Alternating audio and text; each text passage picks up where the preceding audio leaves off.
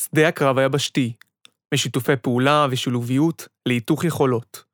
מאת אלוף במיל יואב הר אבן, מתוך בין הכתבים, גיליון יבשה, 70 שנה לצה"ל, מספר 16-17.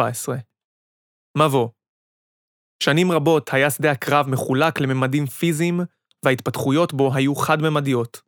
היחס שנדון לאורך השנים בין התמרון לסיוע הקרבי, האש במאות האחרונות, היה באופן מסורתי יחס של מאמצים משלימים. לרוב, חיפו מאמצים אלה על חולשתם של אלה, ואופן הפעלתם או מידת עוצמתם נבעו מאופי המלחמה ומההישג הנדרש ומההתפתחות הטכנולוגית באחד הממדים. לדוגמה, עם כניסת הטנק הפך רכיב התמרון וכיבוש השטח לדומיננטי, והשפעתו הייתה דומה לזו של כניסת עדרי הפילים או הסוסים לשימוש צבאי כחלק משמעותי ביכולת לצלוח מרחקים ולכבוש שטח. להבדיל, כניסת יכולת הירי לטווח ארוך, כמו תותחים או סיוע אווירי, השפיעה בצורה הפוכה על הממד היבשתי בהקשרי תמרון, ופעמים רבות יצרה דילמות בקרב מקבלי ההחלטות באשר לצורך בתמרון. לפני יותר מ-2200 שנים, חי ולחם המצביא הרומי הידוע, סקיפיו, שנחשב עד היום כמי שהשכיל לבצע מהלכים נועזים הראויים ללימוד גם היום. לא בכדי הגדיר אותו לידל הארט בספרו סקיפיו אפריקנוס הגדול מנפוליון, כאחד המצביאים הגדולים בהיסטוריה. השם של סקיפיו יצא למרחוק ונרשם בספרי ההיסטוריה בשל יכולתו האופרטיבית לפעול בגישה עקיפה, ויכולתו הטקטית לנייד כוחות של עשרות אלפי רגלים ומאות פרשים לטווחים של מאות קילומטרים לעומק שטח האויב, ולהכריעו שם. אלפי שנים חלפו, אלפי קרבות ותפיסות פותחו, וכמעט בכל המלחמות המשיך הקרב היבשתי להתנהל בממד אחד, הממד הקרקעי, עם סיוע כזה או אחר מממדים אחרים. בהסתכלות היסטורית על מדינת ישראל, ניתן לאפיין את ההתנהלות הלחימה בצה"ל לאורך שנים ארוכות, ממלחמת העצמאות ועד מלחמת יום הכיפורים, כהתנהלות בממדים נפרדים. בממד היבשתי היה מרכיב התמרון אחד המרכיבים המשמעותיים, במיוחד בימים שבהם נדרש צה"ל לבצע תמרון וכיבוש שטח, לנוכח תחושת האיום הקיומי על המדינה.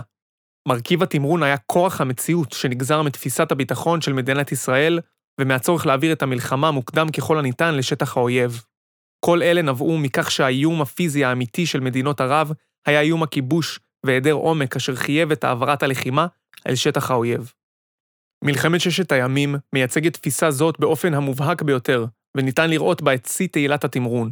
בכל המלחמות הללו התבסס התמרון על כוחות שפעלו ככלל בממד אחד, יבשתי, עם סיוע אווירי כזה או אחר. גם בממד האווירי התקיימה התנהלות חד-ממדית. חיל האוויר נלחם את מלחמתו ומילא את משימותיו ללא קשר כמעט לנעשה על הקרקע. נכון הוא שניתן ליצור קשר אסטרטגי, בזמן אמת או בדיעבד, בין הממדים השונים, אך התיאום הטקטי היה רופף ונדיר למדי. מלחמת ששת הימים נפתחה במבצע אווירי ממוקד, מבצע מוקד, שלאחריו יצא צה"ל למהלכי תמרון מהירים ועמוקים, אך כל ממד לחימה התנהל באופן עצמאי והיה יכול לעמוד בפני עצמו. מלחמת לבנון הראשונה הייתה למעשה הפעם הראשונה שבה צה"ל תמרן שלא מתוך אילוץ של תפיסת אומה במצור. תפיסה דורשת להעביר את הלחימה לשטח האויב. יחד עם זאת, גם במלחמה זו היה התמרון זוהר בבדידותו, והממשק בינו לבין הפעלת הכוח האווירי, שהופעל בצורה ראויה להערכה להשגת עליונות אווירית ולנטרול מערך טילי הקרקע-קרקע הסורי, התרחש באירועים בודדים וספורים. לאורך השנים וכלקח ממלחמות העבר, פעל צה"ל ביתר שאת על מנת לנסות ולהגביר את השילוביות ואת שיתוף הפעולה. כך היה במבצעים ברצועת עזה ובמלחמת לבנון השנייה. מלחמת יום הכיפורים מייצגת מקרה שונה של שילוביות, שבו התקיים ניסיון לירי ארטילריה ארוכת טווח לפגיעה בבסיסי טילי קרקע-אוויר.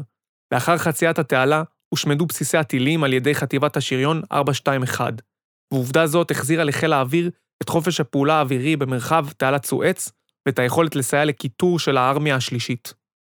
צוק איתן היה ההתנסות האחרונה של צה"ל בהפעלה מוגבלת של כוחות יבשה למטרות תמרון מוגבל ביותר ולצורך השגת משימה מוגדרת ומתוחמת, איתור מנהרות והשמדתן.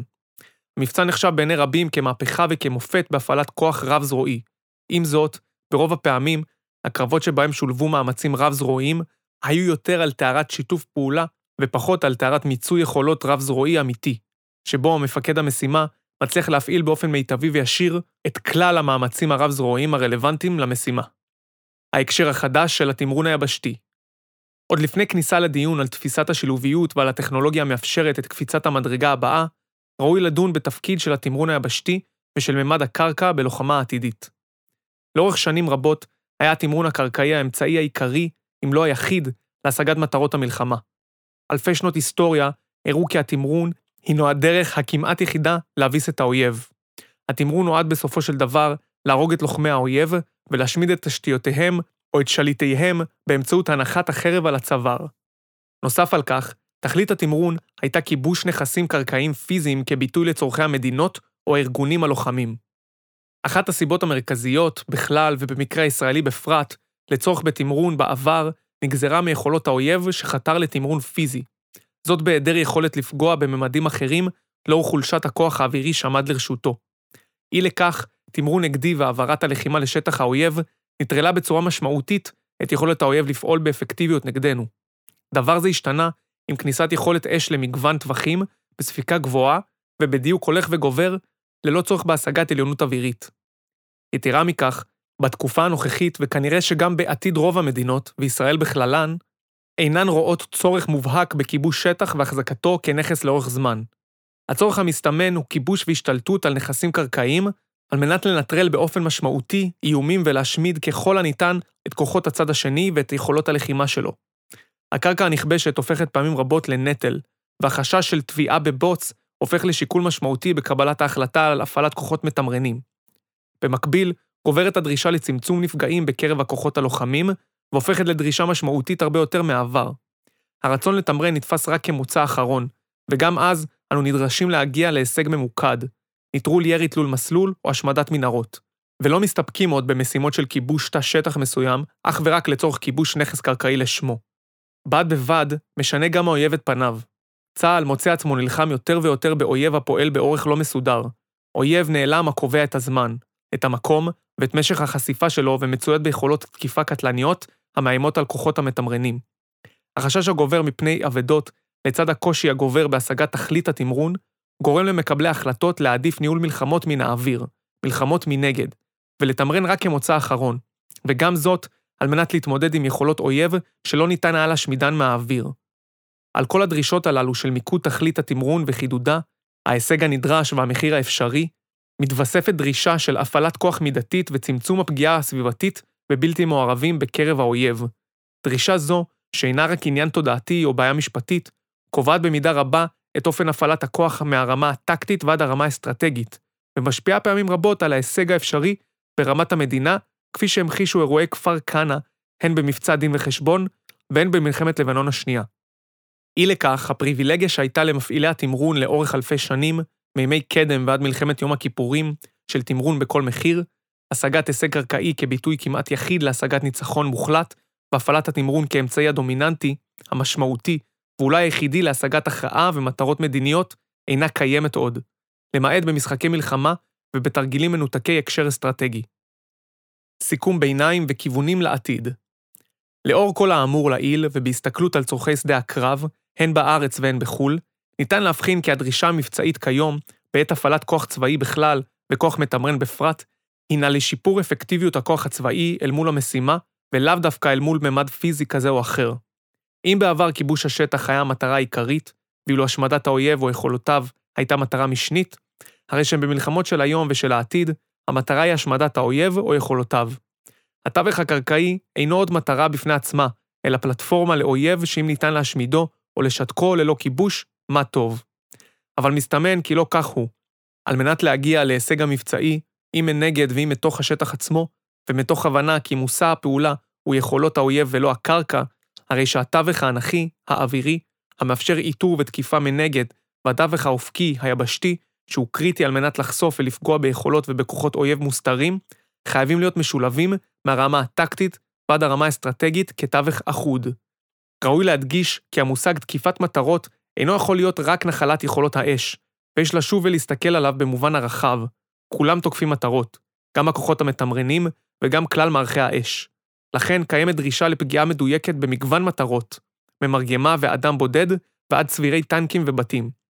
פגיעה מידתית בתווך מורכב, אורבני, מיוער, רווי בבלתי מעורבים, תוך מתן הדגש וחשיבות לממד הזמן, מאיתור לתקיפה, ולמקסום הספקי התקיפה. במילים אחרות, קיימת דרישה מבצעית מובהקת לתיעוש תהליך תקיפה רב-ממדיים בהספקי זמן, כמויות תחמושת מדויקת ופגיעה מידתית בכל הרמות, מרמת החייל ועד רמת המטכ"ל, וכלל היכולות צריכות להיות זמינות לכל הדרגים. על מנת לעמוד בדרישה זו, מחויבת שילוביות בין הממדים. השילוביות תאפשר לשפר את אפקטיביות התקיפה במיוחד של הכוחות המתמרנים, תוך יכולת סיוע קרוב למגוון כוחות בכל תוואי השטח. יש לשים לב כי הדגש בנושא השילוביות, מטבע הדברים, ממוקד באתגר המורכב ביותר, והוא שילוב מלא של כלל היכולות מהאוויר, מהים ומהמרחב הדיגיטלי לכוחות היבשה. לאור זאת, ניתן להגדיר את עיקרי הדרישה בצורה הבאה יכולת איסוף ועיבוד מודיעין לצורכי תקיפת מטרות, תקיפה ישירה ומנגד, של מגוון מטרות בקצבים גדולים, בשטחים מורכבים ובסיוע קרוב למגוון כוחות, תוך מקסום ואופטימיזציה של כלל גורמי האיסוף והתקיפה ובכלל הממדים, באוויר, יבשה, בים ובמרחב הדיגיטלי. כל זאת במרחב לחימה מורכב וללא תלות ב-GPS. יכולות אלו נועדו בסופו של דבר לאפשר את צמצום החיכוך בהינתן הצורך בתמרון ובכיבוש שטח. הסתכלות על העתיד, לאן נכון לכוון. לוחמת היבשה בעתיד נדרשת לחרוג מהחד-ממדיות שלה. נכון להסתכל על העתיד לא דרך פריזמת הנכסים והסמכות של מה יש ביבשה. הניסיון לתת כותרת יבשתית ליכולות עתידיות הוא ארכאי משהו. העתיד טומן בחובו הזדמנויות רבות לשילוביות אמיתית ולטשטוש הוויכוח על גבולות האחריות והסמכות שבין הזרועות, בין החילות או בין ממדי פעולה. בהסתכלות ארוכת טווח, הממדים השונים שבהם עסקנו לאורך שנים כמבדלים ומבחינים בשדה הקרב, הממד היבשתי, הממד האווירי, הממד הדיגיטלי וכדומה, אינם המבדלים הנכונים לעתיד. יתרה מכך, ההתארגנות המסורתית סביב חילות וזרועות, שנועדה להסדיר את תהליכי בניין הכוח והפעלתו, מהווה במובנים מסוימים חסם משמעותי להיתוך היכולות ולמיצוין. הטכנולוגיה והאפשרויות הקיימות כיום הופכות את ההבחנות הללו ללא רלוונטיות במובנים רבים. מהפכת האוטומציה והמיכון יוצרת הזדמנויות רבות שיאפשרו כמעט בכל זמן ובכל מקום להביא לידי ביטוי את היכולת הרב-זרועית, תוך מקסום והיתוך היכולות הרלוונטיות מכלל הממדים לכל רמות הלחימה, מרמת החייל ועד רמת המטכ"ל. במובנים רבים, המהפכה שהתרחשה בשנים האחרונות ברמת הפיקוד ומעלה, תחלחל מטה לרמת החייל הבודד. היכולת המסתמנת, שכבר קיימת ומיושמת בפיתוחים קיימים, של חיבור כלל היכולות בשדה הקרב לכל צרכן רלוונטי, מחייבת התאמת תורות לחימה ועקרונות הפיקוד והשליטה, תוך ניתוק ממוסכמות עבר והגדרה מחודשת של הסמכות ואחריות להפעלת אמצעים בממדים שונים, וגם של מקום האדם בתהליך. לפיכך, מומלץ לנסות ולבצע את ההבחנה לא בהקשרי ממדים פיזיים, אלא בהקשרי מבדלים משימתיים הנגזרים מאופי המשימה. רוצה לומר, לכל כוח הפעולה בשדה הקרב חייבת להיות יכולת רב-ממדית לפעול ולהפעיל את כלל האמצעים הרלוונטיים בכלל הממדים ללא קשר לצבע מדיו או לזרוע שאליה הוא שייך. ברור שאמירה זו מחייבת חשיבה אחרת שאינה רק שבירה של כלל תהליכי בניין הכוח ובנייתם מחדש, אלא הסתכלות אחרת על תורות לחימה ועל תהליכי הפעלת כוח. הסיבה המרכזית לכך שקיים פוטנציאל גבוה ומשמעותי לשינוי עד כדי רפורמה באופן החשיבה ובאופן ההפעלה, וכנגזרת מכך באופן בניין הכוח ופוטנציאל זה, תמונה בהזדמנויות הטכנולוגיות הזמינות כיום, הזדמנויות שיאפשרו למי שישכיל לבצע את קפיצת המדרגה המחשבתית והתפיסתית, להגיע לראשונה לשילוביות אמיתית, עד כדי היתוך כלל הממדים, לא רק הפיזיים, לכדי מרחב פעולה אחיד. כיווני המענה והיכולות הנדרשות. בהנחה כי הצורך מוסכם וקיים צורך בהגדרה מחודשת של שילוביות מסוג אחר, היתוך יכולות, ולא עוד סיוע נקודתי מתוחם בזמן ובמקום כתנאי הכרחי, מן הראוי שנגדיר את האתגרים הנגזרים, נבחן את ההזדמנויות וננסה לבחון גם את החסמים למימוש. האתגרים הנגזרים א', אתגר הפיקוד והשליטה. שחרור האדם מתהליכים וממשימות שבהם יש למכונה יתרון עליו, ומיקודו בהגדרת המשימות, האילוצים והתנאים להפעלת הכוח בכל הרמות, תוך התבססות על תהליכי אוטומציה וממשקים מהירים. ב. פיזור היכולות לכל הרמות, כך שכל מפקד יוכל לנהל את משימתו. ג. יכולת תמיכה בתהליכי קבלת החלטות במציאות של גודש מידע, תוך התבססות על יכולת קבלת החלטות משולבת עם אדם בחוג ובאופן אוטונומי. ד. רשת תקשורת רחבת סרט מהירה, רובוסטית ורב-זרועית, הפועלת לטווחים גדולים ללא צורך בתשתית קבועה. ה. יכולת איסוף בספיקה גבוהה, במגוון שטחים ומגוון סנסורים. ו. יכולת עיבוד מידע בהספקים גבוהים והפצתו לכלל הגורמים בזמן מבצעי. ז. יכולת תקיפה מדויקת מהאוויר, מהים ומהיבשה, על מגוון מטרות בזמן מבצעי בסיוע קרוב, תוך הבחנה בזמן אמת בין כוחותינו לבין האויב. ח. יכולת BDA מותאמת. ההזדמנויות המהפכה הטכנולוגית הרביעית שהחלה בעולם האזרחי ומובלת על ידו, מאפשרת לעולם הצבאי, בהזדמנות נדירה יש לומר, למידה והתבוננות בתפיסה וביכולות קיימות ובאופן ייחודי. מהפכת ה-IoT, המיושמת במגוון תחומים דוגמת ערים חכמות, בית חכם וכדומה, מאפשרת למידה ויישום לצרכים הצבאיים. המעבר מאוסף סנסורים בשימוש אזרחי שעבדו באופן עצמאי לחיבוריות וקישוריות בארכיטקטורה פתוחה המאפשרת מקסום יכולות, הינו דוגמה טובה ליישום ולמימוש בשדה הקרב. היכולת להתחבר ולהתנתק, למצות מידע בצורה מהירה וליישמו למגוון שימושים נמצאת בשימוש יומיומי בעולם האזרחי, והאתגר הוא ללמוד תפיסות ושימושים ולייבאם לעולם הצבאי.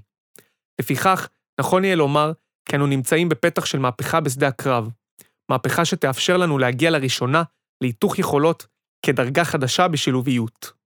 ניתן להגדיר זאת כמהפכת CTC, Connecting the Capabilities, בשדה הקרב. הפיכת שדה הקרב למערכת אפקטיבית, קטלנית ורב-זרועית, המבוססת על חיבור כלל יכולות האיסוף והתקיפה לצורך שיפור האפקטיביות המבצעית והקטלניות המדויקת. פתרונות המאפשרים חיבור חכם וגמיש, מהיר ומסתגל של אוסף המוצרים והיכולות, לכדי פתרונות מערכתיים, מבוססי לוחמה על גבי הרשת, תוך מיצוי סינרגטי של מגוון סנסורים, מערכות עיבוד והפצה וסגירת מעגלים. כל זאת תוך ניצול יכולות קיימות ומתפתחות, המאפשרות לוחמה במגוון שטחים פתוחים וסגורים, בסביבה ללא GPS. התחומים הנדרשים לפיתוח המענה התפיסתי והאמל"חי. א. תהליכי קבלת החלטות ותמיכה בהם. האתגר המרכזי במערכות מורכבות הוא יכולת קבלת ההחלטות במציאות מורכבת של חוסר ודאות מחד גיסה ועודף מידע מאידך גיסה. ולכן נדרש לפתח כל מערכת שביסודה היא SOS, System of System, כך שתתמוך במערכת קבלת ההחלטות של המפקד או המפעיל, כל אחד ברמתו. מערכת כזו צריכה להתמודד עם גודש המידע, עם יכולת העיבוד המהירה הנדרשת, עם יכולת הדיעדוף ועם היכולת להגדיר מדיניות הפעלת חוקים המייצרת דרגות חופש לתהליכי האוטומציה. ב. המרחב האורבני כתרחיש השכיח. יש להתייחס למרחב האורבני כנקודת הייחוס לפיתוח כלל המענים, האתגר של איתור המטרות בתוך המרחב הבנוי, יכולת רובוסטית של תמונת מצב כוחותינו והפרדה בין אויב לכוחותינו. תלת ממד. הוא התרחיש שאליו נדרש לבנות את המענה. ג. המרחב הדיגיטלי כמרחב משותף. יש להתייחס למרחב הדיגיטלי כמרחב אחוד, המאפשר לכל אדם הקשור לביצוע משימה נגישות, יכולת עיבוד מידע וניתוחו, יכולת הנגשה בזמן מבצעי ורלוונטי. ד. רשת כתנאי בסיסי. מכיוון שכל התפיסה מבוססת על רשת מהירה ורב-זרועית לתקיפה, נדרש לוודא כי פתרונות הרשת כוללים מענה מחומרה מלאה, מקצה לקצה, ועד פתרונות add-on שמתחברים לממשק קיים. ה. Hey, תפיסת הפעלה של מגוון כלים הפועלים באופן מבוזר ואוטונומי. אחת מאבני הבניין הנדרשות לפיתוח ולבנייה, פנימית וחיצונית, היא הפלטפורמות הקטנות שיאפשרו את עבודת הלהקות והנחילים. הצורך המסתמן הוא מתן מענה המבוסס על מגוון פלטפורמות קטנות ובלתי מאוישות על הקרקע, דרך הרום הקרוב לקרקע ועד שכבות הביניים. כלל הפלטפורמות הללו צריכות לפעול בצורה אוטונומית עם מינימום מעורבות אדם בחוג תפעולן. האדם בחוג התפעול צריך להתמקד בתהליכים שבהם יש לו ערך מוסף ייחודי, החל מהגדרת המשימה, דרך הגדרת ההישג המבצעי הנדרש, וכלה בהגדרת מדיניות ההפעלה. המערכת תמליץ על אופן ההפעלה המיטבי של הכוח. ו. יכולת הגנת הרשת ושמירת רציפות תפקודה. התווך התקשורתי אינו רק מאפשר, אלא הוא גם נקודת תורפה, ולכן יהיה צורך לוודא כי בכל נקודת זמן הרשת מוגנת ופועלת באופן רצוף. ז. יכולת תמרון מהירה ומוגנת. נדרשת יכולת תמרון לכלל מרחבי שדה הקרב, לעומק ובעומק, שתהיה מהירה, מוגנת וקטלנית. יכולת זו צריכה להתבסס על יכולות ניוד ממוגנות, מהירות וקטלניות, המצליחות להביא לידי ביטוי לא רק את ממד התנועה הפיזית, אלא גם את היכולת להפעיל בצורה ממוקדת ויעילה את כלל היכולות שפורטו לעיל, תוך כדי תנועה ובעומק השטח. בהינתן פיתוח התפיסות והיכולות, נוכל בעתיד להגיע להפעלת כוחות אחרת. הלחימה הרב-ממדית העתידית יכולה וצריכה להיות מרמת הצק"ג ומעלה. לחימה מבוססת יכולות משולבות, מאוישות ולא מאוישות, ולכל מפקד בהתאם למשימתו, בין אם בחזית ובין אם בעומק, בין אם בתמרון ובין אם בפעולה מנגד. עומדות כלל היכולות הרלוונטיות ללא קשר לשיוך החילי או הזרועי. כוח שלצורך ביצוע משימתו נדרש לתמרן על מנת להגיע להישג קרקעי מסוים, הנגזר מאופי המשימה, ימשיך להיות מבוסס על יכולות ניוד מגוונות, החל מהליכה רגלית, דרך רקם וכלה בכניסה באיגוף אנכי או ימי. אבל הפלטפורמה שתאפשר זאת תהיה רק מרכיב אחד ביכולת הכוללת. היכולת של אותו כוח מתמרן לקבל בזמן מבצעי את כלל המידע הרלוונטי בגזרתו, מעובד ומנותח למשימתו. היכולת שלו לחבר את כלל היכולות הרלוונטיות, רובן כנראה לא אורגניות ובכפיפות ישירה אליו, ולהפעיל מגוון אמצעים, אף הם לא בהכרח בכפיפות אורגנית לו, בזמן ובעוצמה הנדרשת. כל אלה יאפשרו להגיע לשיפור אפקטיביות מרבי בכל נקודת זמן. זאת ועוד, ייתכן כי במשימה אחרת יהיה מפעיל הכוח בכלל לובש מדים שאינם ירוקים, אבל גם כאן היכולות להפעיל את מגוון האמצעים והיכולות, כולל יבשתיות קלאסיות, תהיה טבעית. ניתן לומר כי האתגר האמיתי הוא אתגר התפיסתי-מחשבתי ולאו דווקא הטכנולוגי. החסמים למימוש החסמים למימוש נמצאים רובם ככולם בעולם התפיסות ויכולת הלמידה שלנו. הטכנולוגיה אינה מהווה חסם, היא מהווה אתגר. אך למיטב הבנתי, רובה ככולה ניתנת למימוש בקצב מהיר יותר בהרבה ממה שרבים חושבים. שחרור מתהליכי בניין כוח מסורתיים ברמת הזרוע, ותהליכים המוכוונים לבניין כוח זרועי, שרק בשלב שני יהיה מומשק ליתר היכולות, הם החסם המרכזי לא רק בצה"ל, אלא גם בעולם. הצורך לבחון תהליכים עדכניים מראשית הצירים הוא תנאי הכרחי לשחרור יתר החסמים. סיכום בימים אלו פורסם גיליון מיוחד של כתב העת מערכות, תחת הכותרת צה"ל 2048. איך ייראה צה"ל בשנתו המאה? באוסף המאמרים שנכתבו בגיליון זה על ידי הרמטכ"ל ומספר אלופים, זוהו לדעתי הצורך, הפוטנציאל וגם הכיוון. יחד עם זאת, עדיין נדרשת קפיצת מדרגה נוספת. קפיצת מדרגה של מעבר לשילוביות כמרכיב מסייע להיתוך יכולות מרבי ומוטמע בכל הרמות. כאמור, תהליך זה הוא נדרש, הכרחי, והוא אינו בחזקת רצוי. הבשורה כיום היא שהיכולות קיימות והפוטנציאל אינו בלתי ניתן למימוש. אבל נדרשת חשיבה אחרת. בהנחה כי קפיצת המדרגה אכן תבוצע, ייתכן שבעתיד לא נידרש לדון בדיונים נפרדים ביכולות הנדרשות בחתך מאמצים זרועיים הפועלים תוך שילוביות חלקית, אלא לשיח ולבניין כוח המאפשר למפקד המשימה להפעיל את כלל האמצעים והיכולות בזמן מבצעי, ללא קשר לצבע הכומתה או המדים.